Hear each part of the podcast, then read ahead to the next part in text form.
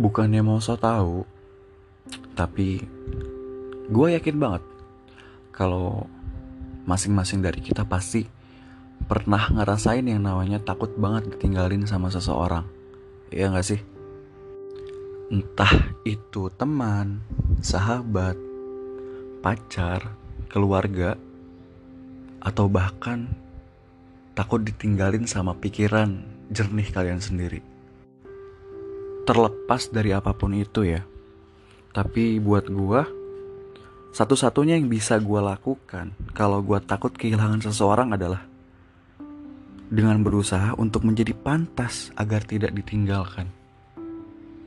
Mungkin gitu sih. Ya nggak sih?